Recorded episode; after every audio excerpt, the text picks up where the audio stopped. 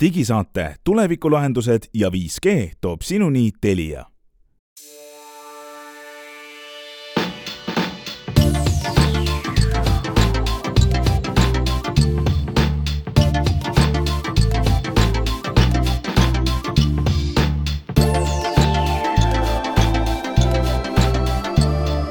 Tervitus, digisaade, ilma nimeta digisaade on teiega ja, meie, kes me oleme teiega täna, kolmekümnendal mail, oleme Hans Lõugas ja minuga koos Glen Pilvre ja lisaks ka Meelis Väljamäe. ja mis me täna äh, kõneks võtame, äh, räägime sellest, et äh, Eestisse lõpuks jõuab ka Amazoni taoline pood, kus ei ole mitte ühtegi müüjat ega inimest ja kõik peate inimesed ise tegema, kes te sinna ostma lähete. räägime üllatavast ja võib-olla isegi mitte üllatavast lõpust ühele Eesti internetiteenuse pakkujale. uuest Windows üheteistkümne taastamise võimalusest, mida oodata uuest Sony VR-ist ja lõpuks saame ka kuulata kogemusi uute Sony klappide kohta.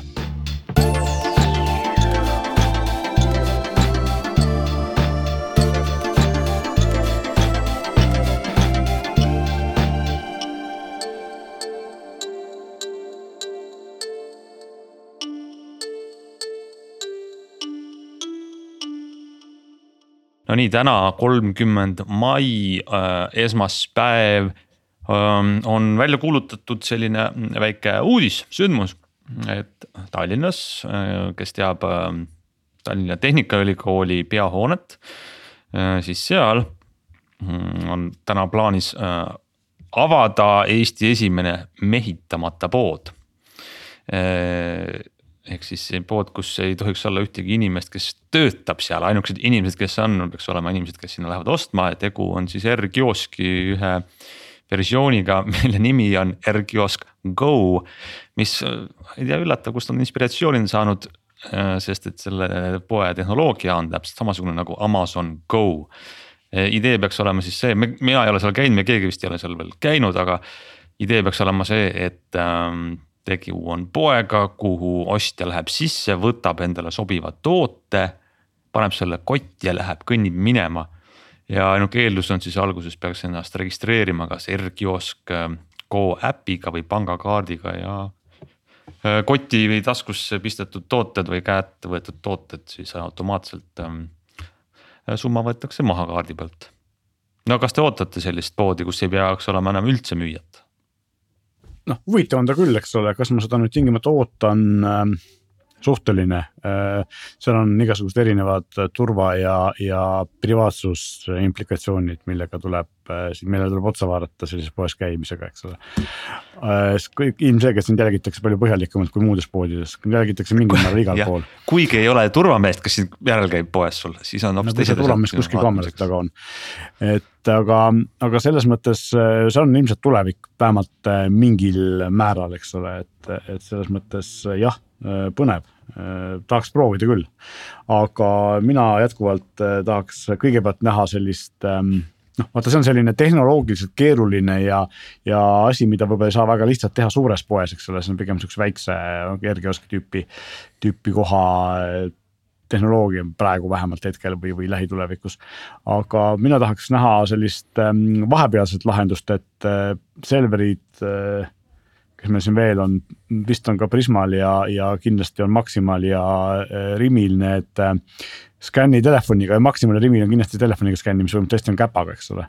aga mina tahaks, et need, need jõuaksid nagu selle poole peale sellesama tehnoloogiaga, ehk siis ei oleks seal neid ruumi võtmaid ja muidu tuntud iseteeninduskassast, et kui ma olen selle toote endale sinna sisse skaneerinud, siis ma saan vajutada maksa nuppu ja kõnnin poest välja, ilma et ma peaks seal iseenduskassas veel äh, aega veetma, eks ole et see võiks olla nagu see järgmine etapp. ei, sul on õige iva tegelikult, et see on nagu see, see R-kioski kontseptsioon no ütleme otse Amazoni kontseptsioon, see on nagu tegelikult üks samm äh, tulevikku edasi. mida ma nagu, mida on teada tegelikult, kuidas selle nagu kontseptsioonil läheb, Amazonil teatavasti oli päris suur hulk erinevaid poeformaate, aga Ameerikas lahe oli näiteks äh,. olete kuulnud sellisest asjast nagu neljatärnipood ehk siis Amazoni pood kus olid kõik kaubad müügil, mis olid saanud Amazoni veebipoes vähemalt neli või kuni viis tärni hinnangu. tuleb tuttav ette. aga, aga, aga, aga iva on tegelikult selles, et kõik need poed pani Amazon kinni, praeguseks on jäänud ainult, on täiesti üle jäänud nendes Amazon Go või kuskil Inglismaal vist oli natuke teise nime alla, aga, aga ainsad poed, mida Amazon opereerib, on siis ilma inimesteta poed, et ähm, et kui sa paned ta sellisesse käidavasse kohta, kus on, äh, inimesed ostavad noh, mitte toidukaubad nädalavahetuseks või mitmeks päevaks, vaid haarad tööpäevaks kaasa mingid suupisted või kerged eined, siis ta tegelikult.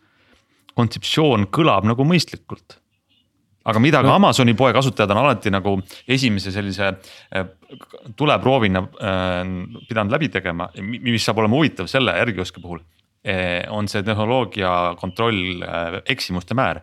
kui ma võtan sealt riiulist, ma tahan seda tuunikala võileiba ja võtan ta kätte ja siis ma vaatan, et see tuunikala ei tundu siin eriti värske või tegelikult mul tuleb isu hoopis selle veiseliha singi järgi.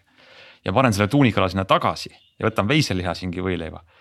Eh, ehk siis, kas need registreeritakse, et mul on nüüd kotis nii tuunikala kui veiseliha või ainult tuunikala või ainult veiseliha, et need, need, mida inimene poes teeb, see võib ju, sa võid käituda nagu hektiliselt, et sa ei ole nagu robot poes. et kui süsteem sellistest vigadest. no selleks, et selline süsteem no, edukalt töötada saaks, peab sa seda oskama teha, teoreetiliselt no ma vaatan üldse seda kontseptsiooni või seda noh, ütleme praegu seda, seda pilti, kuna päriselt ei ole sinna poodi veel keegi läinud, siis ta ikkagi ta meenutab mõnes mõttes sellist suurt joogiautomaati natukene ehk et ma saan küll sinna ise sisse minna, aga põhimõtteliselt valik on umbes selline, et, et seal on siis mõned šokolaadid ja, ja siis mõned võileivad ja mõned veed ja ta on lihtsalt nagu natuke suurem. et ega, ega ta olemuselt ta ju ei asenda täpselt sellist päris poekülastust, et ta tegelikult on lihtsalt laiendatud joogiautomaat mõnes mõttes. et, et see jah, kui see pilt nüüd tõele vastab, see tõesti, no tegelikult jah, eks me peame järgi proovima, minema. no jah, ütleme selline bensiinijaama lett, kus on siis, kus on siis mõned joogid ja, ja muud asjad, eks ole. aga, aga mm -hmm. jah, see, see pool, selle üle võib muidugi pikalt arutleda, et kes üldse mida kasutab ja kuidas ta poes maksab ja. ja ilmselt nii palju, kui on inimesi, on, on ka neid soove, et kes eh, skaneerib telefoniga, kes maksab telefoniga, kes tahab puldiga vehkida, kes seisab eh, tavainimese järjekorras. ja, ja kõigil on mingi õigustus, et just see, kuidas tema seda asja teeb, on ju kõige mugavam. et ega lõpuks selle paika paneb ilmselt selle poepidaja poepidaja käibe ja kasuminumbrid. jah, eks ta on ka mõista asi, ma olen täitsa kindel, et. Ma olen täitsa kindel, et selline Ergioski või, või Amazoni tüüpi süsteemi arendamine on meeletult kallis, eks ole, selle, see on nagu selge. see töötab skaleeritud, kui sa teed ühe tehnoloogia valmis ja siis igale poole seda laiendad, siis ta. ei no lõppude lõpuks loomulikult no,. jah, eks see on Mm -hmm. aga selline iseteeninduskassa süsteemi rajamine tõenäoliselt mingis perspektiivis hoiab äh, raha kokku, eks ole, nii pinna poolest kui ka siis äh, palgakulu poolest, eks ole, aga, aga iseenesest see on huvitav, kui, kui kiiresti inimeste nagu harjumused muutuvad, et kui need iseenesest kasvõi tuli, siis nad olid siuksed kummalised ja, ja külaline tulevikust, eks ole, kelle, kellega ei osanud nagu kuidagi suhestuda, aga praegu on küll see, et kui ma lähen näiteks Lidlisse ja seal on äh, järjekorrad äh, ja müüjad, kuigi seal õnneks järjekorrad ei ole väga pikad, siis äh, mina küll tunnen puudust sellest, et, et ma nagu. no jaa, jaa, aga, aga teistpidi, aga teistpidi ikkagi on olemas ka nii Rimides kui, kui Prismades ja, ja Maximas, mida me siin oleme korduvalt maininud, kaasa arvatud Selver kus ikkagi on nii noh, üldse mitte vähe inimesi ei seisa ikkagi selles päris kassa järjekorras. on ju tegelikult ja... olemas teatav hulk inimesi, kes põhimõtteliselt ei taha näiteks kasutada pangakaarti, vaid tahab maksta sularahas, eks no,. miks see nii on, noh, see on teine küsimus. küll aga, aga saad sa ka ju maksta sularahas, kui ma ei eksi, siis Maximas vist on ka sularahaautomaat kassad, eks ole. mis on minu arust eriti tüütu, et siis, kui ma juba seda operatsiooni pean tegema, siis minu arust selle teeb nagu kogenud müüja kiiremini mul ära, kui see. mina ise no, neid asju, neid rahatähti sinna aparaati toppida suudan. aga, aga äh, tegelikult ma tahtsin siia vahele öelda veel seda, et äh, et ma unustasin ära, mida ma tahtsin öelda. No aga ma tahtsin öelda, et sul Lidli kommentaarid selles mõttes nagu tabab, et tohutu suur poekett, üle-euroopaline. Nemad ja. nägid, et Eestis on ruumi veel üheks kaubandusketiks. aga minu arust nad ignoreerivad seda, et okei okay,, sa võid konkureerida puhtalt hinnale ja, ja siis pakud seda järjekordadega tavalist no, kassade nad... teenust. aga tegelikult sa ei saa ignoreerida seda, et me tegelikult, suur hulk tarbijad tahavad saada innovatiivsemat lahendust no. nagu sa ütlesid ma..., et ma ise skaneerin, panen oma kotti lahti ja jalutan kassast välja Aga- või siis nagu see Amazoni versioon, et varsti ma ei tahagi. jah, no Lidlil on ju tegelikult see, et nad äh, üle maailma on neil samamoodi, et neil ei ole kuskil müüdud iseteeninduskassasid, Saksamaal küll mitte, järelikult äh, see Jaa. ongi äh, noh, selline veits vanamoesus ja võib-olla ka nende mõttes kokkuhoid, kuna eks jah. ole, uue tehnoloogia juurutamine alguses on suur kulu. aga mul tuli meelde, mida ma öelda tahtsin, nimelt seda, et Selver on teinud veel ühe suure innovatsiooni. nimelt see, et nüüd saab äh, Selveri sisenduskassades äh, kasutada Taara tšekki. et siiamaani oli see, kui sa viisid Taarat, sul oli see tšekk, siis suva ükskõik millisesse poodi sa, poes sa tegid, sa pidid selleks minema järjekorda ikkagi inimesega suhtlema, eks ole, et. Selveris on nüüd ka sellest vabastatud. no samas ma tahaks ikkagi, kui sa juba siin Selverit kiidad, siis ma ütleks, et viimane aeg oleks neil teha ka see innovatsioon ja see nii-öelda magnetribaga kaart ajaloo prügikasti saata, et, et see. oota, millest sa räägid? No kui ma lähen Selverisse ja tahan kasutada iseteeninduskassat, siis mul peab olema see magnetribaga kaart, et sul võib olla, sul võib olla telefonis M-tasku või sul võib olla partnerkaart, mis on NFC-ga. töötab väga hästi, vot siis ma olen jäänud ajast maha. sul lihtsalt on nii vana kaart, minul on Ahah. äh, vist siin äkki sügisel vahetasin, sest mul see aegus see, eks ole, ja, ja ei, ära, ära, ära nüüd soovita kliendile uut kaarti, sest see on ka ikkagi minevikus astumine. mul aegus partnerkaart ja M-tasku äpis saad sa ka põhimõtteliselt kohe uue virtuaalse kaardi ja siis sa skaneerid seal QR koodi ja saad ilma, ilma siis selle. vot, ma, ma olen kuidagi M-tasku on minu telefonist, tõsi küll, mingil põhjusel eemaldunud praegu. no vot ja siin on tegelikult, mida me arutasime ka paar saadet tagasi, et see M-tasku tulevik on üldse lahtine. viimaste nädalatega olen mina kogenud seda, et ka teine suur pakkuja peale Selveri äh,, seal oli, oli Alexela kodukaart. see kolis sealt minema, Alexela kassas öeldi mulle, et ei M-taskut me enam ei toeta. Et mõnes mõttes noh, see M-tasku. aga kui me, kui me juba üldse lahtine. rääkisime, no siis ma küsin igaks juhuks ka veel üle, äkki ma olen ka ajast maha jäänud, kas ma saan ka Selveris ilma selle puldita kuidagi hakkama? veel ei saa, Selver No ise väidab, vähemalt väitis Jaa. mõned ajad tagasi, et, et see pult on nagu äh, turvaline selles mõttes, et kui sa ta maha viskad, siis temaga ei juhtu midagi ja kui inimene skännimise alt telefoni maha viskab, siis on pahandust palju No- no. mis on mõnes mõttes võib-olla tõsi, aga, aga see on inimese enda risk, eks ole, aga see oli Mm, nagu tol hetkel et- nende no me ikkagi oskame telefoni hoida juba, oleme paar aastat No oleme harjutanud seda. Aga ma arvan, mida- et tegelikult, tegelikult seal on vaata ikkagi raha küsimus, et kui sa oled väga palju investeerinud sellesse skännerite süsteemi, see ei ole odav No lõbu, siis äh, pole mõtet hakata kohe Ah, nagu nii-öelda põhjus, peale minema. et tegelikult ju läks. See- see on see päris okei, põhjus. tegelikult Rimil on mõlemad paralleelselt käigus, eks ole, aga minu teada Maximal on ainult telefon. Ja, ja Jaa. Maximal on ka see variant, et sa lähed pärast piiksutad seal kaasas asju, et. no see on kõigil.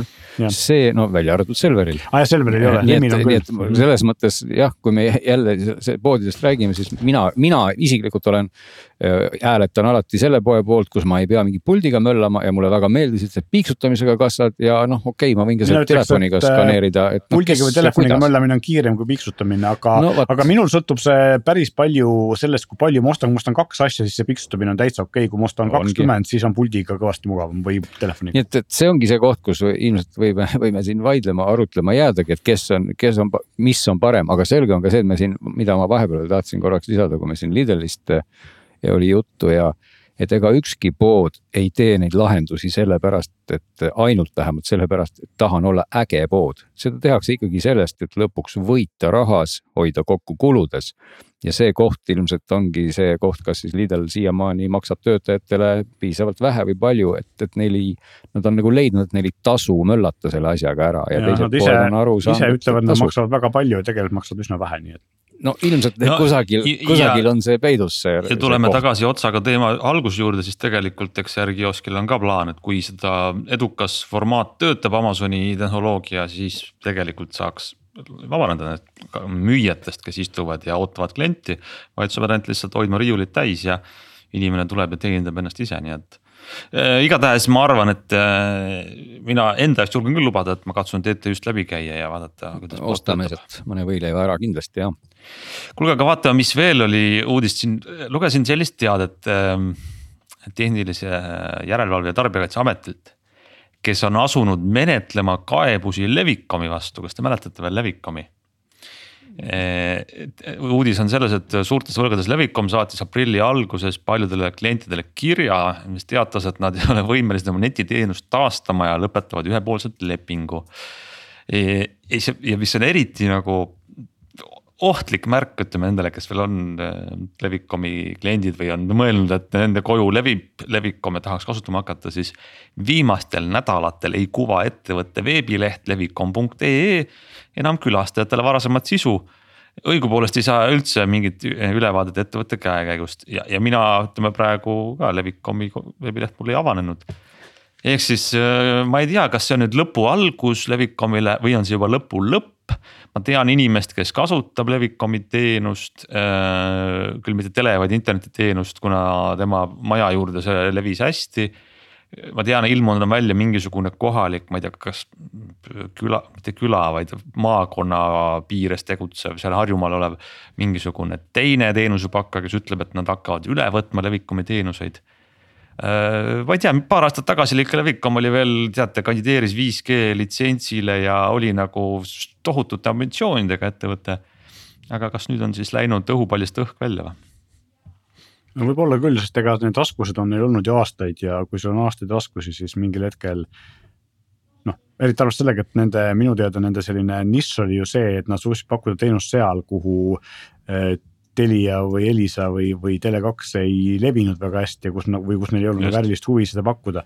ja ega siis operaatorid suured ei maga, nad ehitavad ju võrke kogu aeg suuremaks ja, ja levi paremaks, nii et päris raske on nagu neil seda nišši leida ja seda hoida ja ma arvan, et see võib olla küll jah, põhjus aga muidugi tõ, noh, tõepoolest siin, kui, kui täna proovida kuidagi aru saada, mis Levikumiga toimub, siis on seda väga raske üldse aru saada, sest see on, nende leht ise ei avane ja, ja ega midagi muud ka väga ei leidu. No just, et äh, siin Levikumi nii palju kui kliente veel on, ma saan aru, et äh, miks äh, TTJA neid asju menetleb, et inimesed on juba kaebused esitanud, aga ikkagi selline tunne on, et sa oled selle, kui sa oled Levikumi klient veel, siis sa oled ikkagi vaikselt Titanicu peal orkester mängib seda sümfooniat veel, aga tegelikult tagumine osa laevast on juba vee all ja päästepaadid on juba hõivatud ja täis, nii et mm. -hmm. Tuleb minna tagasi, kas siis ilmselt see Levicomi leviala põhiliselt olid nagu need ähm, hajaasustusega piirkonnad, kus sa said siis Telia DSL-i võib-olla või, või 4G pulk tegelikult. 4G, 4G internet, mis on on sõltuv sellest, kui palju teisi 4G kasutajaid su ümber on ja kui neid on palju, siis su kiirused on lihtsalt üsnagi kehvad.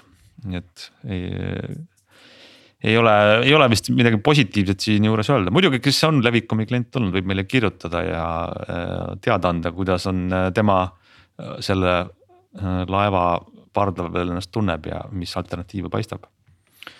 saame teistele kuulajatele ka jagada kuule, mina tahaks siia ikkagi kiiresti ära mainida, kui ma eelmine kord ma ikkagi vaatan oma kellajuttu ja, ja vaatan, rääkisin ju pikalt Huawei toredast kellast ja. Ja sellega seoses eh, on Huawei nüüd teatanud, et nad toovad ka Euroopas ikkagi sel aastal müügile kella, mis mõõdab vererõhku mm. -hmm. ja, ja seni on ju kõik kellad olnud ikkagi sellised, mis mõõdavad sul pulssi ja, ja teevad seda siis nende fotosensoritega, siis. Huawei Watch D siis on väga nutikalt peitnud selle selle suruõhuga asja, mis vererõhku mõõdab, siis kellarihma sisse. iseenesest nagu loogiline innovatsioon, eks ole ja, ja, ja väga huvitav, ise tahaks proovida. eks no, siin ongi, siin ongi ju see vaata, et tegelikult on ka kellasid, Apple Watch ja Samsung kellad ja siis mõned veel teevad ka kardiogrammi, eks ole kardiogrammi teevad ka, teeb ka uus nüüd jah. Mhm. aga Kõik seal on ka ju seesama asi, et, et kuna erinevalt pulsi mõõtmisest on kardiogrammi mm. tegemine meditsiiniline tegevus ehk et see, et, et tõestada, et sa, et ta mõõdab seda enam-vähem õigesti. peab läbima väga suure bürokraatia kadalippu ja ilmselt samamoodi ka see vererõhu äh, luge-, mõõtmisega on see, et see peab samuti saama mingisuguste meditsiiniasutuste heakskiidu, et see number ei ole mitte kaks korda suurem või väiksem, kui tegelikult on no, nojah, seda ütleme, pulss või kardiogramm on veel nagu natuke selline asi, et ta joonistab sul selle triibu sinna ja siis see kella tehisintellekt tegelikult proovib sulle nagu siis öelda, et kas, kas sinu rütmi või asjadega on nagu hästi või mitte. ja teeb mingeid järeldusi, aga, aga vererõhk on tegelikult täpselt selline numbriline nagu näitaja, et kui inimene mingil põhjusel äkki näeb, et seal on, eks ole sada üheksakümmend ja mingisugune sada viiskümmend, siis ta, siis tal see rõhk ilmselt tõuseb veelgi, kui ta juba neid numbreid näeb, nii et, et, et, no, et, et noh, seal ei saa nagu sellist noh, et seal jääb nagu tehisintellektile jääb nagu vähe nagu vähe no, rolli, siis sind lohutada et.... tarkvarat on ikka vaja, aga sul on vaja ka need mhm. algandmed sensorite näol, et kui selle EKG jaoks sul on vaja kahte klemmi, üks on siis vastu mm -hmm. seda rannet ja teine paned näiteks näpu sinna nupu peale siis tegelikult see vererõhu jaoks see sensori andmed. See on tõesti huvitav, et keegi pole seda varem teinud, et äh, tavaliselt ju, kui arst mõõdab vererõhku, siis pannakse sealt küünarnukist ülespoole see. kas Ei, ma pean selle ka- kella tõstma ka siis üles sinna, panema õlavarrele pean või?, ma noh, võin ka oma personaalset kogemust öelda, et oli, oli mul ka kunagi öö, vererõhu mõõtja, mille ma omale väga hallidel aegadel ostsin, mis kahjuks ära varastati, aga aga see, see oli lihtsalt mul garaažis, kust ka muid asju kunagi pihta pandi ja see läks ka sinna teed, aga, aga see oli ka selline mõõtja, mis ikkagi käis sul randmele, aga tõsi, sa pidid seda rannet hoidma südame kõrgusel. et see oli nagu Mm. mm. väga oluline, et, et see, see kõrgus on vist inimese rõhu osas oluline koht on. jah, ja ka Brown kunagi tegi võib-olla Mhm. teised veel päris sellist nagu päris nii-öelda jutumärkides vererõhu mõõtjat, mis mõõtis ka ranne pealt, olen ise seda proovinud. aga ka siis öeldi, et ikkagi eh, nii-öelda ülevalt poolt mõõtev on täpsem ja muidugi vahe on ka selles, eks ole, et kellarihm on ikkagi suhteliselt kitsas, aga need enamus neid mansette on suhteliselt suured, ka seda andmet mõõtev oli ikkagi sihuke kolm korda kellarihma suurune. aga noh, tahaks muidugi- näha, et, et eh, ka ega seal ju ka innovatsioon ikkagi ei, ei ole seisma jäänud, et kindlasti on olemas lahendusi, mis ka selle nii-öelda peenema või kitsama rihma puhul. no ja, ja muidugi, mis, mis siin ikkagi ka väärib imestust või vähemalt küsimust, on see, et, et nad ise väidavad, et selle kella aku peab samuti vastu seitse päeva. ja, ja ega see vererõhu mõõtmisel ju on vaja seal ju kuidagi mingi pisike kompressor peab seal ju seda pumpama veel, ma ei, ma ei kujuta üldse ette, kas sa siis seitse päeva pumpad. tegelikult äh, mõnes mõttes võib-olla miks mitte, ma ei oska öelda, aga ma tean, et äh, mul ema kasutab ühte vererõhu mõõtjat, mis äh, käib küll tavaliste kaks A patareidega, kaks tükki on neid seal sees vist või neli, okei okay,, volt on natuke rohkem kui kellas, aga aga, aga jah, et noh, neli tükki on kuus volti, eks ole, et seda on rohkem kellal, aga, aga selles mõttes, et, et see kestab ka ikkagi nende kahe patareiga noh, ma ei tea, aasta-paar. nii Ahaa, et, et no selles siis mõttes võib-olla- võib-olla see nädal aega on täitsa okei okay,, kui sa paar korda nädalas mõõdad, eks. või võib-olla siis tõesti on igal juhul see kell on saanud äh, nüüd siis noh, ikkagi suure sammu päris kellale astunud lähemale, sest Hiinas on ta juba müügil, Hiinas on ta saanud selle, vähemalt Hiina arstid on öelnud, et hiinlaste vererõhu mõõtmiseks on see pädev ja sobib. ja juba detsembrist on see sertifikaat olemas ja, ja nüüd Huawei siis taotleb seda nii Ameerika mandril kui ka EU No ma- ma- maadesse ja. Teie jutu kommentaariks kohe vaatan, et kui nad saavad, siis on ähm, aku kestus seitse päeva tüüpilise kasutuse puhul ja mida loevad nad siis tüüpiliseks kasutuseks, see on ähm,. kannad kakskümmend neli tundi, et öösel ähm, mõõdad ka und, mõõdad vererõhku kuus korda päevas. Wow. kogu aeg nagu aga vubiseb sul No seal andme peal no, mõõdad EKG-d viis korda päevas.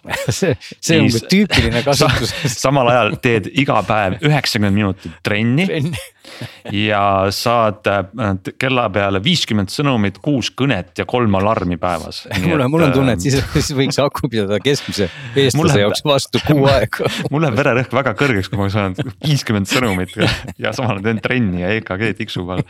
ehk siis äh, noh, lubadused on tublid. lubased väga, väga tublid ja kell muide ise on, on, on suhteliselt tillukene või vähemalt, vähemalt pildi peal ta ei jäta sellist, ütleme, ta pigem on selline Apple Watchi koopia siis mõnes mõttes, et kui senised Huawei kellad on olnud niisugused ilusad käekellad, ümmargused ja klassikalised, siis see Watch D näeb välja nagu noh, mulle tundub ta natuke, natuke suurem Apple Watch, selline kandiline, ümarate servadega ja, ja noh, siis, siis mitte sihuke traditsiooniline kell, aga loomulikult ei puudu seal ka kõik, kõik see muu, kõik, kõik muud hüved, need hapnikusensorid ja, ja kõik iganes, mis siis ka täna, eks ole, kõik kellad teevad ja hakkab ta maksma väidetavalt Euroopas neli ja poolsada eurot. no päris kobe.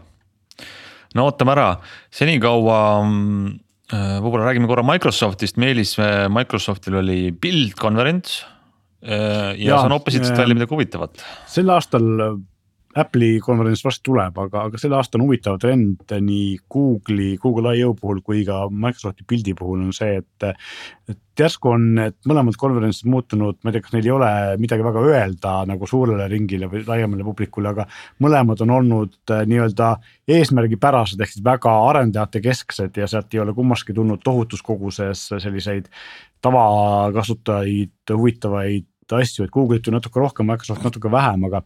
aga üks asi, mida Microsoft siis ütles, mis mulle silma jäi, on see, et eh, kohe tuleb beetasse ja ilmselt siis ka aasta lõpuks kõigile kasutajatele saadavaks selline asi, et kui sa uuesti installid Windows üheteistkümne, mille sa oled si- sidunud oma Microsofti kontoga, mida tänapäeval vist lausa peab tegema lausa kohustuslikus korras. kui sa oled, ühesõnaga, kui sul on olemas konto ja seal on olemas andmed sinu Windowsi kohta ja kui sa ostad nüüd endale uue arvuti või uuesti installid vanale arvutile Windowsi, siis saad sa ka taastada automaatselt äpid, mida sa oled siis Microsofti poest ostnud või tasuta alla laadinud. Ehm, mis on hästi mugav, et täpselt sama asja teevad ju ka Android ja iOS, eks ole.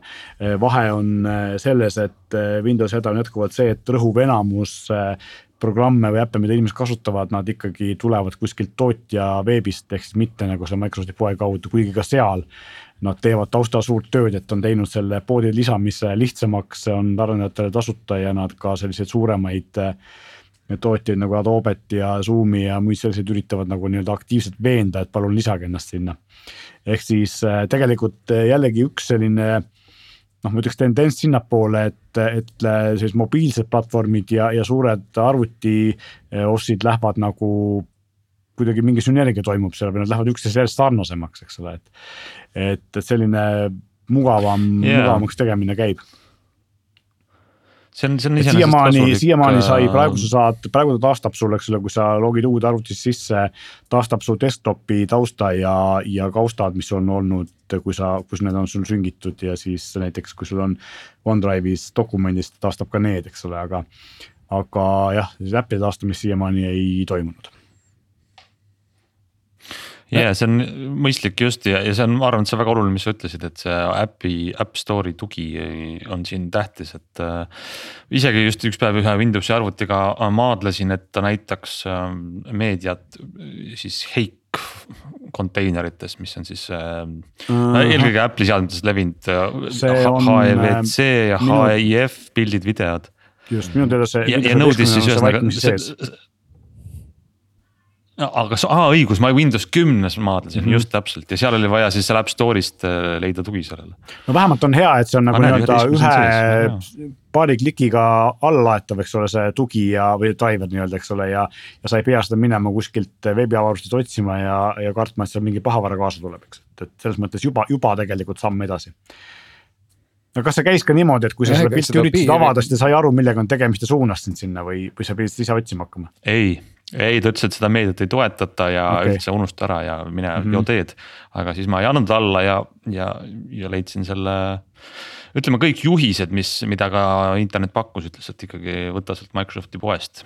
ja, nüüd ma saan aru, tegelikult äh, see, see on nagu igati igati mõistlik valik, sest ma ka eeldan, no täiesti tavalise kasutajana, ma eeldan, et näiteks ka Microsofti poes on usaldusväärne ja kontrollitud ja töötav äh, tarkvara et, et ma pigem usaldaks ja esimesena leida omale. kipun arvama, ma küll ei tea, aga ma kipun arvama, et see, see Apple'i formaatide või nüüd uute formaatide tugi, see driver, mis, mis siis Windowsis laetakse poest, on Microsofti enda tehtud, mitte ei ole kellegi nii-öelda noh, kolmanda tootja asi seal, eks ole, ilmselt. Aga kindel sada protsenti ma ei saa praegu olla. aga ühesõnaga, et, et see on nagu. lisada selle, nii, ja see on nagu selline suurem, suurim asi, mida ma sealt pildilt märkasin, lisaks on see, et, et widget'id, mis on Windows üheteistkümnel, mis on siuksed veits kehvemad, kui nad Windows seitsmel olid, aga neid saab ka nüüd siis äpi tootjad saavad oma äppidesse lisada, et vana, ennem siiamaani oli seal ainult Microsofti ilmateade ja.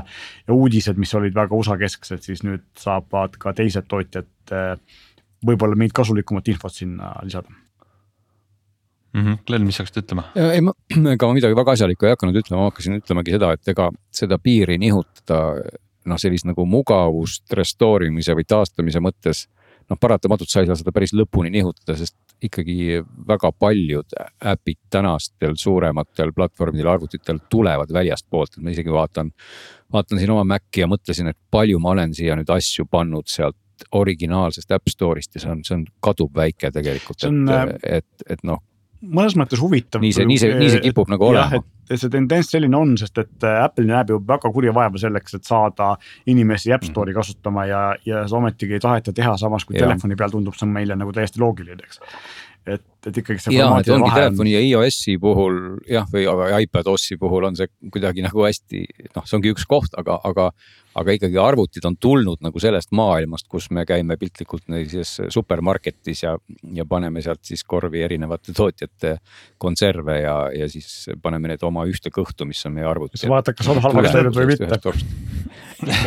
aga tead, vana sellise igipõlise Windows, Windowsi kasutaja DNA on minus veel sees väga sügaval kuskil, minu arust see võimalus ikkagi automaatselt ähm, taastada laetud tarkvara on jube kasulik, sest minu Windowsi kasutaja DNA ütleb, et aeg-ajalt tuleb teha format C ehk puhas install. Panna tagasi Windows peale. ja, ja, ja nüüd tuli, OneDrive'iga dokumendid ütlema, ja poest on, programmid. minu, minu, mina olen sihuke teistsugune Windowsi kasutaja, et mul on noh, tööarvutis seda ma ise ei puutu.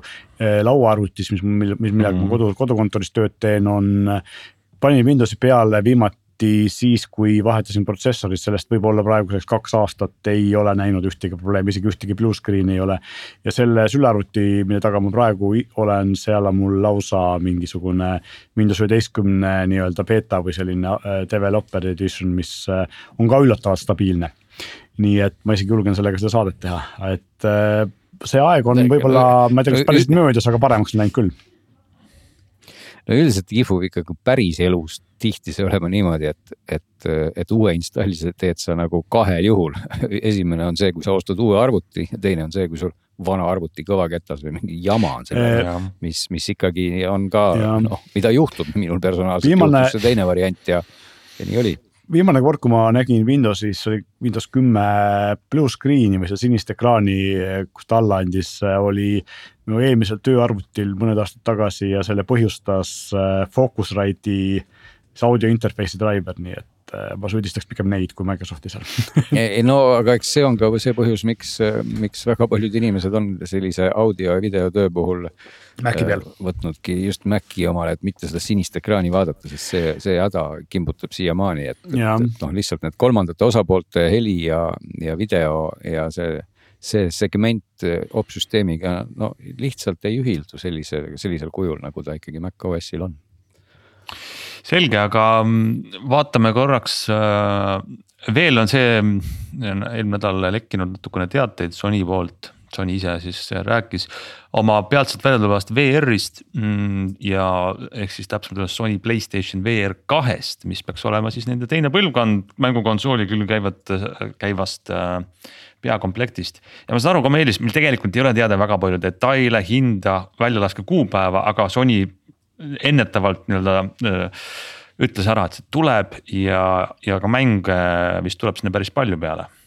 ja nad tegelikult tilgutavad seda infot jupikaupa, ilmselgelt nad valmistuvad ette selleks päris reveal'iks, et siin mõni aeg tagasi nad näitasid selle välimust nüüd nad räägivad, et sellega tuleb vist siis kakskümmend mängu, ma võin öelda, et nad näitasid selle välimust äh, veebruari keskel, ma lihtsalt leidsin selle uudise.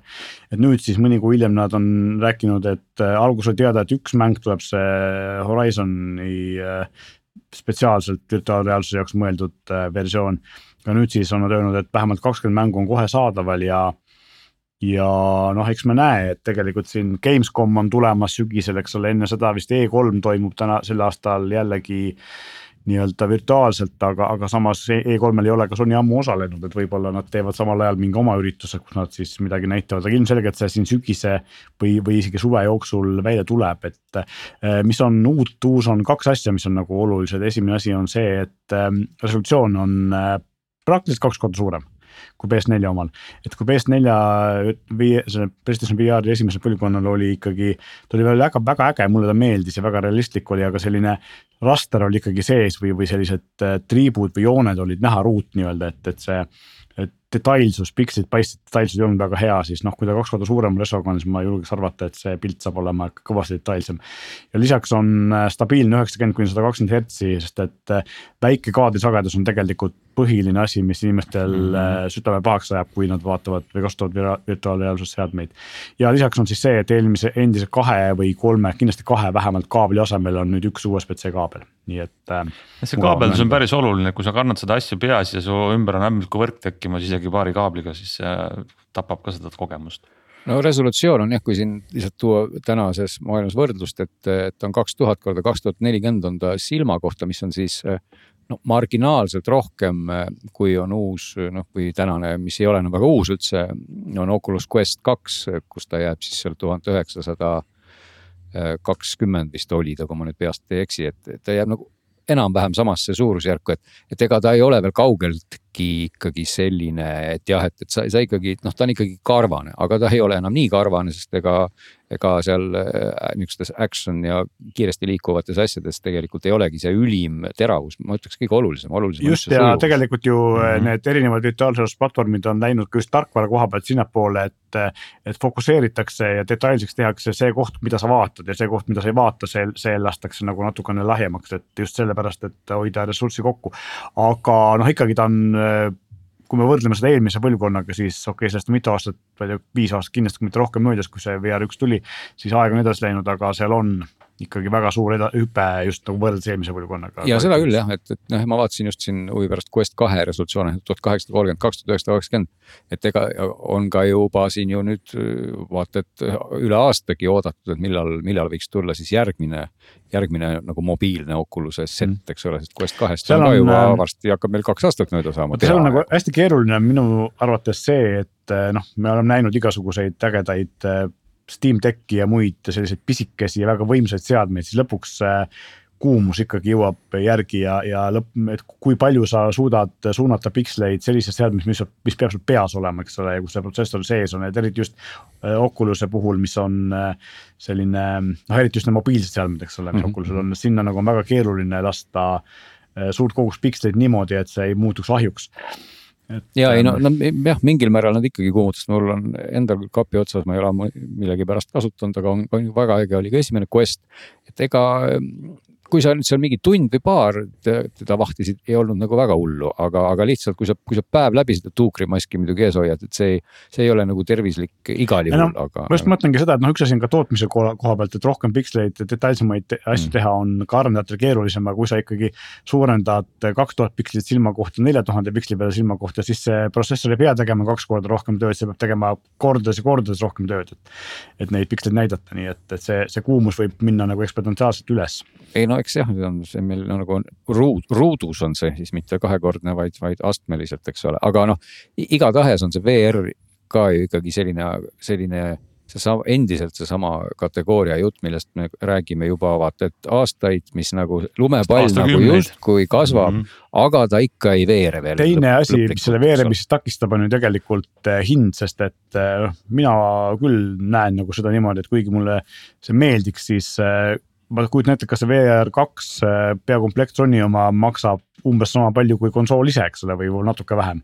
ehk siis seni, kuni need äh, peakomplektid maksavad seal, head maksavad seal noh, viissada, võib-olla, võib-olla kolmsada eurot äh, see ei ole see hind, mis paneks inimesi neid ostma niimoodi suuremas koguses, et isegi võib-olla kõigist konsooli omanikest kümme protsenti ostavad ja kui me räägime nagu eraldiseisvatest, siis võib-olla veel vähem, ehk siis. Äh, tegelikult, kui see hind läheks kunagi kahekohaliseks, eks ole, mis on võib-olla see ulme valdkonnas, siis ta muutuks massitooteks, võib-olla mitte enne nii on. Kuule, aga räägime nüüd edasi asjadest, mis on äh, reaalselt kõrvas olnud, tegelikult me tuleme nüüd siukse, teeme teise osa eelmise nädala Just. saatele, kus me rääkisime Sony. Sony nendest, no võiks olla siis ikkagi täiesti keskklassi äh, kõik ütleme sellel äh, tooterivi keskel olevatest kõrvaklappidest, mis puudutab siis väikseid kõrvasiseseid juhtmevabasid klappe, LinkBuds S mis tundus, et on päris head, aga Glen, sa saad nüüd öelda ka, kas need päriselt on head või on nad AirPods Pro killer'id, nagu öeldakse, või on nad ähm, rohkem, rohkem müra ja vähem kvaliteeti? Äh, jah, me täpselt eelmises saates me rääkisime nendest kõrvaklappidest kuidagi nagu lubamatult pikalt, hoolimata sellest, et me ei olnud keegi neid kuulanud ja nad jõudsid kohalegi nüüd Parandame siis pea. eelmisel nädalal muideks alles mm -hmm. siia, et nad ikkagi Eestisse jõudsid alles kohale, kahjuks me ei saanud neid lihtsalt ennem kuulata. ja, ja ma ei tea, kas me eelmises saates ka rääkisime, et jah, need hinnad ju platseeruvad sinna kahesaja euro juurde, ehk siis nagu odavamad kui need Sony tänased nagu suuremad tippmudelid. aga eh, kuidas ma siis nagu lühidalt, ma lühidalt ei oskagi seda kuidagi kokku võtta, ma võiks öelda, et esimene mulje nendest on selles mõttes head, et nad on tõesti hästi mugavad, et seda me minu arvates rääkisime ka eelmises saates. et nad, nad on erakordselt hästi kõrva sobituvad, et kui, kui sa paned ta omale kõrva siis see, see osa, mis läheb sul sinna kõrva augu sisse, läheb sinna lupsti kuidagi niimoodi mõnusalt täpselt nii kaugele, kui ta läheb. ja see ülejäänud osa ei jää sul kuidagi kõrvast välja turritama, ta jääb sulle põhimõtteliselt kõrvaga nagu täpselt tasapinnaliselt, vähemalt keskmise kõrvaga. ja sa ei pea ka nagu seda sinna väga nagu sinna kõrva krutti piltima, et, et su, et see heli muutuks sellest paremaks, et, et kõrva on tõesti väga mugav panna. et see, see on nagu plusside rubriigis, kohe kui ma sellesama kõrva, sellele samale asjale nüüd ütlen ühe miinuse juurde, on see, et nad on tehtud materjali poolest sellisest karedast nagu materjalist, nad ei ole, nad ei ole libedad, nagu on mm -hmm. siin mhm. näiteks nagu on AirPodsid või ka Samsungid ja paljud teised konkurendid on libedad. aga nemad ei ole libedad, nad on, nad on karedad. ja see kare tähendab natuke seda, et kui sa nüüd ikkagi paned pähe mütsi, siis see müts võtab sellest karedusest väga hästi kinni ja tekitab sulle kohe rohkem kahinaid kui libe kõrvaklapp näiteks. see on, see on nüüd üks, üks miinus kohe sellele nagu sellele plussile lisaks, et nad on küll väiksed, aga karedad sa tahtsid midagi, Meelis, vahele öelda? tahtsin öelda lihtsalt ja ei lihtsalt äh, väga sa räägid, aga ennem kui me ära unustame, siis hüppan kohe vahele nende asjadega, et. et karedus äh, mõnes mõttes ma ei noh, ei ole ise näppinud, siis ma ei oska öelda, aga mulle tundub, et see on hea sellepärast, et äh, kareda pinnaga klapid seisavad paremini kõrvas kui need libedad, mis tahavad välja lupsata, eks ole, et.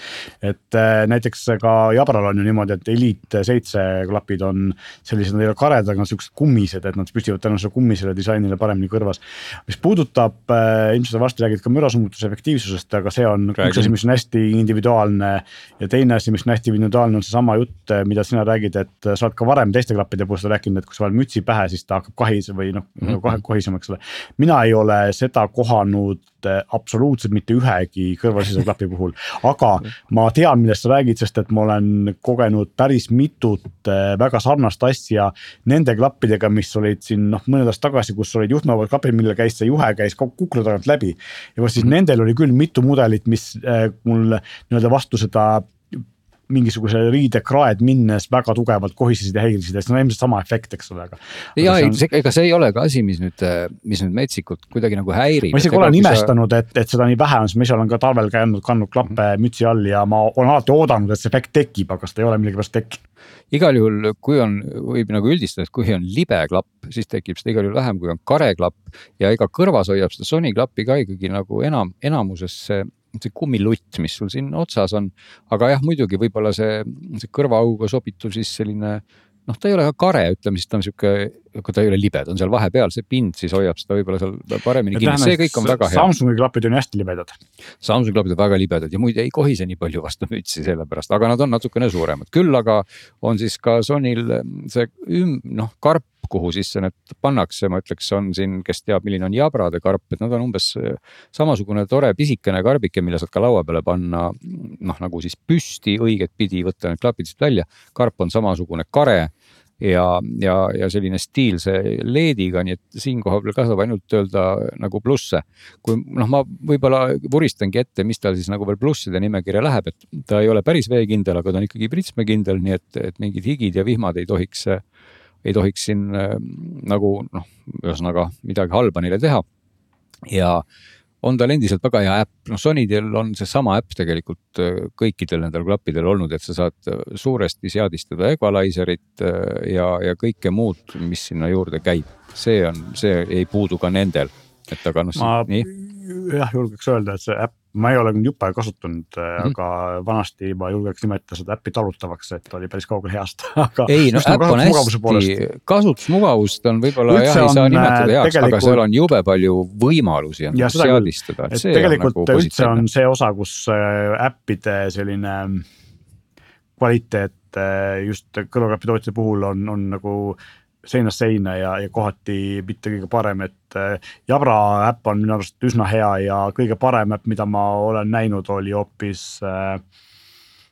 ma praegu jään selle nime võlgu ühel, ühel ka üsna tuntud klapitootjal, aga aga näiteks JBL-i äpp on selline keskpärane Sony samamoodi ja minu arust ka ma ei ole küll kasutanud äh, näiteks Beatsi äppi iOS-i peal, mis võib-olla on parem, aga Androidi peal oli ka Beatsi äpp selline üsna tagasihoidlik. mida Sony äpp pealt... sulle juurde annab, kui, kui palju sa suudad paremaks teha heli sellega e,? no väga palju.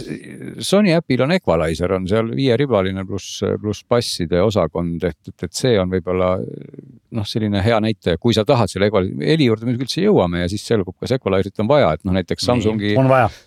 Samsungi klappidel on ka olemas equalizer, aga equalizer on selline lihtsalt nagu niisugused menüüpunktid, et sa valid, kas tuhmim või säravam või. aga, aga jällegi tuleb öelda juba etteruttavatel Samsungi klappidel ei ole vaja üldse neid punkte sealt valida, sest nad ongi juba väga head. aga mis on siis Sonyl veel väga hea, ennem kui me räägime sellest, mis minu arust nii väga hea ei ole väga hea on ikkagi mürasummutus, et et siin nii mõnedki võrdlevad teda nende Sony kallimate klappidega ja ütlevad, et kallimatel on veel parem, mis muidugi tähendab seda, et meie tulevastes saadetes räägime me jälle Sonyst, sest ma ilmselt võtan nüüd need Sony kallimad müra summutavad klapid ka, et kuulata, kas need siis tõesti on, on siis veel paremad, sest need Linkbuds S-id summutavad müra vähemalt nii palju, kui mina seni olen neid igasuguseid kõrvasiseseid klappe omale kõrva pistnud. siis on need nagu vaieldamatult kõige parema mürasummutusega klapid, nad summutavad müra põhimõtteliselt võrreldaval tasemel juba kõrvapealsete klappidega, et, et mul olid siin võtta oli siin võtta nagu praegu eh, tegelikult on ka laua peal need Sony uue, uusimad kõrvapealsed klapid, neid ma ei ole ka jõudnud veel karbist välja võtta, ilmselt siis järgmiseks korraks või, või mingiks korraks jõuan. aga olid siin need Tali IO-d ja olid ka needsamad Mark Levinsonid, millest me pikalt rääkisime siis äh, need pisikesed sonid ei summuta müra kohe üldse mitte kehvemini kui need, kui need kallid kõrvapealsed klapid. see on huvitav, sest et äh, mulle on jäänud äh, just mulje, et ma ei ole küll nagu ka neid kallimaid sonisid proovinud, aga isegi AirPods no, Pro või, või Jabra kallimad klapid, JBL-i kallimad klapid, et nad ja ka Samsungi omad, et mulle, mul noh, muidugi nagu ma ennem ütlesin, mürasummutus väikestes kõrvasistes klapid on hästi individuaalne, see sõltub sellest, kui hästi just see klapp peas on ja mismoodi kõrv ehitatud on, eks ole, aga aga mulle on alati jäänud mulje, et ta natukene töötab, aga ta on siiski marginaalne et, et kaheksakümmend protsenti mürasummutust saad sa kätte passiivselt ja siis ülejäänud annab selle natuke kakskümmend protsenti. seni on, on ka ta nii olnud ja, ja nendel samadel minu palju kiidetud Samsung Galaxy Buds Prode puhul võib ka umbes nii öelda, et see klapi aktiivne mürasummutus annab sihukese väikse osa juurde, aga nende Sonyde puhul pean ütlema, et siin on teinud insenerid väga head tööd ja aktiivne mürasummutus töötab neil tõesti väga hästi, aga nüüd ma hakkan jõudma miinuste rea juurde, mis on no, olemas ja mis sealt tuleb? ja kahjuks ei ole ka nagu väga lühikene, no kui me juba rääkisime siin mürasummutusest, siis võib-olla esimene koht on see, mida nüüd väga üldse ei summuta, on tuul. Ehk et kui ikkagi puhub tuul, vaat siis see kahin saabub siia kõrvaklappi ikkagi vägagi intensiivselt, tunduvalt intensiivsemalt, mul oli võrdluseks võtta ka Samsung Galaxy Buds Pro mis ei kahise, kui ma sõidan oma üherattalisega mm.. aga kui ma panen sonid kõrva, siis ikkagi mühiseb, kahiseb igas mõttes, et kas ma siis panen selle aktiivse mürasummutuse sisse või mitte. kõige, kõige vähem kahiseks siis, kui loomulikult seda aktiivset poolt üldse ei ole, eks ole. Aga, aga, aga nii aktiivne mürasummutus kui ka siis see hear through või mis iganes termin tal kõigil meil on, ambient, müravõimendus. tuul, tuul, tuul, tuul, olgugi need klapid ei ulatu kõrvast ju välja, eks võiks justkui arvata, et ma ei tea, tuul läheb sinna rohkem pihta, kui kui nad on kuidagi sul sellised tundlad seal kõrvade küljes, aga, aga ei ole vahet, et, et nad on hästi kõrvas, aga tuul ikkagi mühiseb, et selle koha pealt jah, oli mul praegu võtta hetkel võrdluseks ainult Samsung Galaxy Buds Pro mis on äh, vähem tuuletundlikumad, eks siin, siin peakski võrdlema siis jälle erinevad, võib-olla, võib-olla mõned ongi lihtsalt väga head ja mõned on keskpärased, et, et selline, selline väike nüanss. siis äh, kui me räägime helist, no kõrvaklappide puhul võib öelda, et, et need inimesed, kes kuulavad võib-olla podcast'e, tahavad lihtsalt sõnadest aru saada, aga mõned teised tahaksid äkki ka muusikast rohkem aru saada, et, et kas selle koha pealt ikkagi äh, jäävad need Sony S-Linkbudsid nüüd jällegi selgelt nendele Samsungi Prodele alla, mis ja ma ütleks, miks ma nendest Samsungitest kogu aeg räägin, et, et need on minu hinnangul olnud tänastes nupukuularite võrdluses nagu raudselt esikoha väärilised, no vähe, noh. et nad on, nad on nii hea sound'iga, mis on kõige, kõige lähemal sellisele korrektsele stuudiokuularile, avar selline sound'i pilt, väga, väga detailne ka eesti keeles on raske leida sõnu, inglise keeles on transient selle nimi, mis on siis nagu helis selline kiiresti muutuv osakond, kui keegi lööb, lööb vastu trummi või vastu lauda. ehk selline plaks või selline helipiik, et seda, seda need sonid kuidagi, nad ei esita seda sellise täpsusega, ehk et kui sa, kui sa kuulad seda heli nendest sonidest, siis ma võiks nagu üldistades öelda, et, et, et, et kasutame terminit kas tuim või natuke selline nagu dull inglise keeles, selline nagu on, ta on, ta on nagu olemas, aga, aga midagi ei tekita sellist tunnet, et vau wow,, et selline kristallne, selge ja mõnus helipilt. basse tuleb sealt väga palju, heli on väga bassine, bassi saab ka juurde keerata, kui tahad, aga, aga räägime sellest helist ilma seda equalizer'it reguleerimata siis, eks ole. et eh, otseselt ei ole nagu midagi halba, aga kõrgemate sageduste ja keskmiste sageduste, just kõrgemate keskmiste sageduste. see, see pilt ei ole selline läbipaistev, ta on, ta on nagu natuke selline umbne detailsust on vähe, seda transiendi sellist täpsust on seal vähe. et, et siin võib-olla ka oleks kohane võrrelda neid nüüd nende kallimate sonidega, et, et kui nüüd jah, ma panen kõrvale need Galaxy Buds Prod, siis nende puhul on mul noh, nii-öelda piltlikult öeldes aken puhtaks pestud ja kardin eest ära võetud, aga, aga Sony klappidega no aken väga puhas ei ole ja, ja mõnel juhul on kardin ees ja väljas sajab vihma ka, et noh, kui ma kuulan jutusaateid, on see okei okay,, aga isegi kui ma kuulan ka jutusaateid mõne teise kuulariga, siis kohe läheb nende eh, sa saadete hääl kuidagi säravamaks, nii et equalizer'iga saab küll tõsta loomulikult siin keskmisi ja kõrgeid sagedusi ja saab selle pildi, saab säravamaks. aga see ei päästa ikkagi seda noh, seda sellist üldmuljet, kus, kus jääb sellist nagu nende klappide enda noh, sihukest iseloomulikku detailsust ja ja sellist tuimust see nagu ära ei võta, nii et see on nagu, see on nagu koht, kus, kus jah, kui ma vaatan nagu seda hinda ja heli, siis, siis tekitab see kõhklusi, et, et kõik see mürasummutus ja mugavus ja kõik see on nagu, on väga suurel plusspoolel, aga aga heli puhul vot. no kõik see tundub nagu kompromiss, mida võiks ju teha, aga, aga see Linkpad S ikkagi sihib sinna nii-öelda see hinnaklass on ju kakssada praegu. no hinnaklass ei ole väga vähe, just nimelt, et, et ega siin äh, ka. Galaxy Buds Pro saab isegi soodsamalt kätte vist. hetkel saab soodsamalt kätte jah, nad tõesti ei summuta müra nii hästi, aga nad on sellist libedad. ei ole, ei ole ka väga uued klapid, aga, aga selles Enam mõttes jah, et, et mina kasutasin, ma ei ole Prosid kasutanud, ma kasutasin neid ähm, Galaxy Buds kahtesid, mis on äh,, ei ole nii hea heliga ilmselt kui kallim no,. muideks ma siin ka segan väga... korraks vahele, et, et, et, et Samsungi varasemad kuularid, minu arust, kui ma nüüd ei eksi, siis need, need Galaxy Buds Prod olid esimesed Samsungi kuularid, mis kvalifitseerusid üllatavalt heaks, kõik need eelmised olid ausalt öeldes paras, ütleme, crap. et ja, nad ei, mulle, ei kõlanud nagu kuidagi. mulle meeldis tegelikult see, et, et just need pisikesed kahed on hästi väiksed, eks ole, nad olid samamoodi hästi sügav, noh, nad olid kõrvas, nad ei paistnud üldse mm -hmm. välja ja. aga muidugi noh, selle väiksusega oli natukene ka heli kehvem kui Prodel, aga siiski päris hea. aga Samsungi puhul on huvitav see, et, et miks need on viimasel ajal, mulle tundub, et miks on juhtunud see, et need viimased kaks paari klappe või kolm ja ka tegelikult Galaxy Buds Live'id meeldisid mulle ka väga, need hoopis teistsugused, erilised, eks ole, ja samuti ka Samsungi soundbar'id näiteks on viimasel ajal heaks läinud, siis. minule tundub, et see juhtus peale seda, kui nad ostsid ära Harmoni ehk siis AKG. see jah, mm -hmm. nende know-how'd päriselt, et päris tihti juhtub seda, et sa ostad ära mingisuguse tuntud brändi.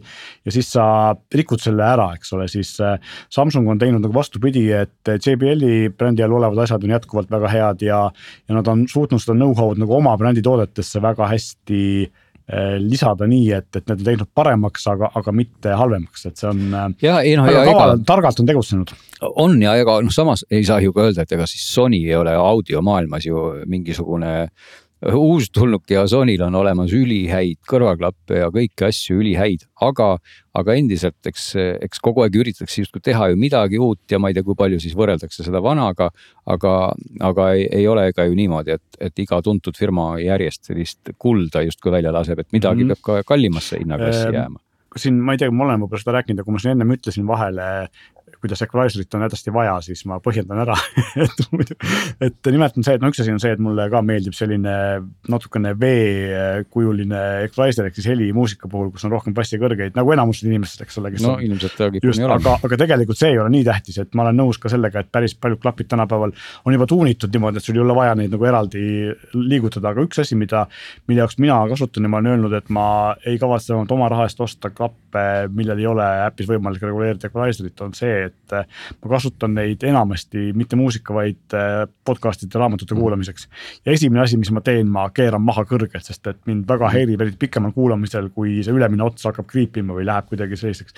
see on esimene asi, mis ma, ma tavaliselt, kui on äh, klappide äpis on võimalik teha mingi profiil, siis ma teen nagu sellise spetsiaalse podcast'i profiili, kus ma keeran kõrgelt maha ja muusikat kuulan siis teise profiiliga, eks ole, et.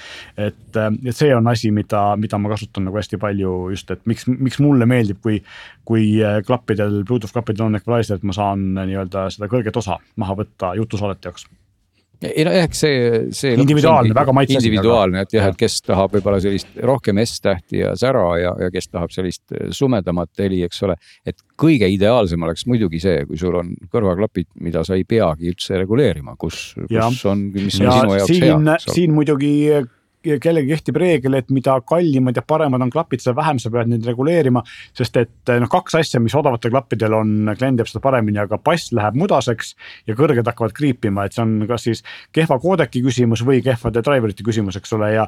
ja kallimatel klappidel neid hädasid ei ole, sa võib-olla ei peagi nii palju tuunima, eks no ja eks siin on, jääb ikkagi selle, ma ütleks enamik sellest helist jääb ikkagi selle füüsilise akustika ja selle modelleeringu taha, eks ole, et me räägime nüüd koodekitest, need Sony klapid konkreetselt siis aptX-i ei toeta, toetavad lisaks tavalistele AAC-le, SBC-le on siis ka Sony LDAC siin loomulikult sees. aga, aga noh, seda noh, neid inimesi ilmselt, kes saavad väga hästi aru, kuidas kõlab üks või teine koodek, et, et need, need, need, need vahed on seal nii marginaalsed, et, et ja oleneb. nagu jah. Sony klappidel tavaks ei saa kasutada korraga LDAC-i equalizer'it, ehk siis kui sa paned LDAC-i tööle, siis equalizer on välja lülitatud. muide, kas võibolla..., kas oled sa selles väites kindel äh,? ei ole väi-, kindel nendes äh, pisikestes, aga olen kindel kindel XM4-s, XM5-s, et see nii käib ma mäletan, et ma muide mingite klappide kohta ka ise seda isegi võib-olla kirjutasin, aga tead, sa lahendan meie jutu taustal kohe ära. XM5 puhul mm. on ka kindlasti see, et kui eh, LDAC on sees, siis ei tööta multipoint ehk siis ei saa ühendada. ja ei saa mitu, äh, mitu seda paari korraga. ma korraks vaatan nüüd kohe üle hopsti, kas aga... mul on LDAC koodek ja mul on LDAC koodek ja sound, palun väga, Equalizer saab. on täitsa olemas ja no, nendel igal juhul nendel Linkbase S-idel saab, jah. ilusam. et, et saan seadistada, vaatame kohe, kas, kas see seadistus ikkagi muutub siin ka aktiivseks, off, bright ja et noh, siin on ka hulk neid Sony poolt nagu loomulikult lugematu kogus siis igasuguseid eelseadistatud profiile, aga, aga saad ka kaks profiili teha endale, nagu need äpis on.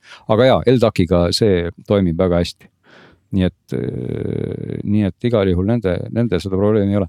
haku vastupidavusest on siin ka, on kritiseeritud, ma ei ole lihtsalt jõudnud neid absoluutselt nii kaua kuulata, et ma saaks midagi personaalset siia lisada, aku peaks pidama neil vastu kuus tundi ainult nuppudel ja klappidega või karbiga saad laadida äh, siis neliteist, et, et seda olevat kellegi jaoks kuidagi vähe no ma ei, mina seda kindlasti ei saaks kinnitada, minu arust neliteist tundi pluss kuus on igati okei okay.. no see sõltub millega võrrelda, sest et minu arust needsamadel äh, Samsungi Prodel, millest just rääkisid, oli mm, -hmm. kui ma ei eksi, üksteist tundi, mis on nagu siiamaani vist rekord. veel vähem oh.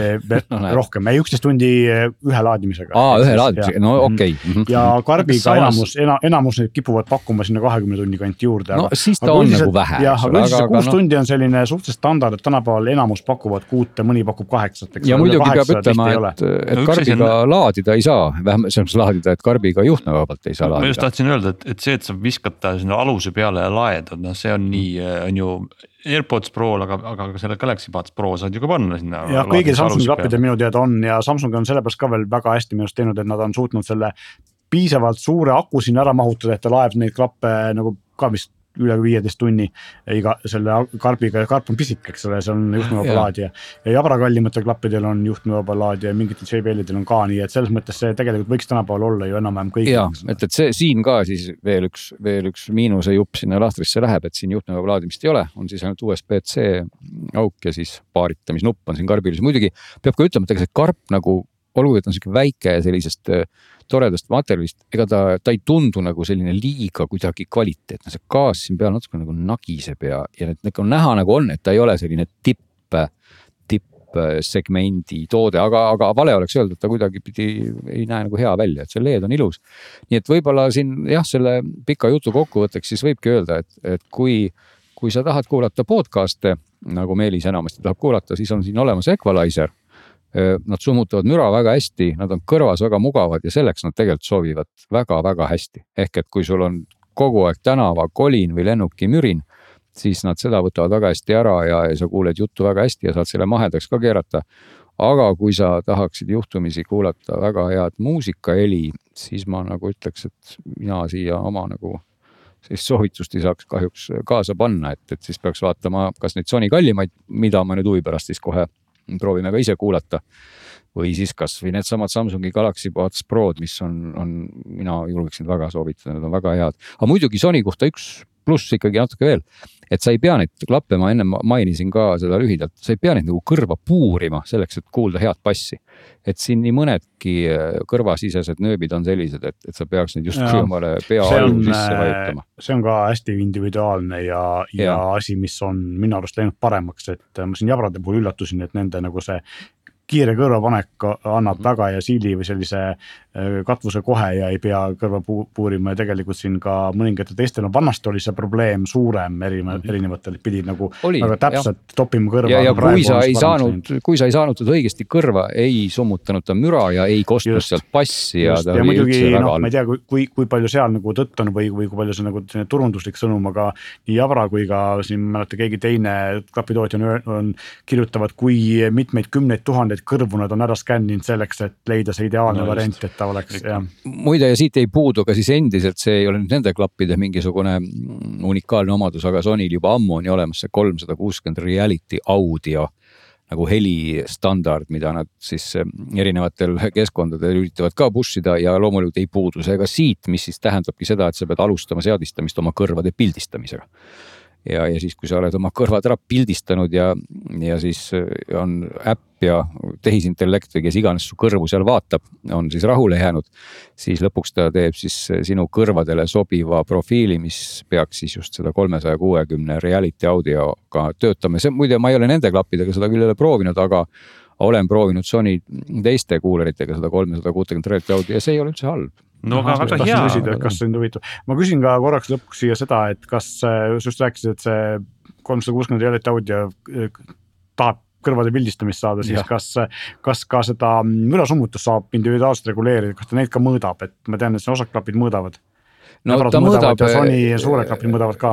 ta mõõdab seda nii palju, et sealt äpist saad sa öelda, kas see on adaptiivne või on see fikseeritud ja kui see on adaptiivne, siis ta ikkagi üritab seda mõõta siis lisaks ka mürale veel mingisugust geolokatsiooni kasutades umbes, kas sa siis kõnnid või, või jooksed või mida iganes sa teed. küll ei saa sa seda jah, nagu sellisel kujul nagu nüüd seadistada, et, et, et see justkui käivitaks mingisuguse test, testimistsükli, et hakkab seal midagi piiksutama ja, ja, ja nagu häälestama, et ikkagi ta teeb seda, teeb seda ikkagi kuidagi jooksvalt, aga, aga selle koha pealt ei, ma rõhutaks veel, et, et see on väga hea, siin ei ole vaja noh, siin ei ole nagu mitte midagi seadistada, see automaatne mürasummutus toimib, toimib nende väikeste klappide skaalal tõesti hästi, aga, aga kas teadlikult või mitte, on Sony kuidagi heli osas vähemalt ei teinud mingeid kummalisi, kummalisi liigutusi siin. olgugi no., et nii mõnedki review'd, kui sa loed välismaakeelseid, kuidagi seda heli poolt väga kiidavad, nii et eks näed, see ongi seesama koht, kus. aga kus... alati peab äh, jätma võimaluse vaadata seal tootereviisi nii allapoole kui ülespoole, et ikka alumisest parem ja. olla ja minna veel kuhugi üles aga.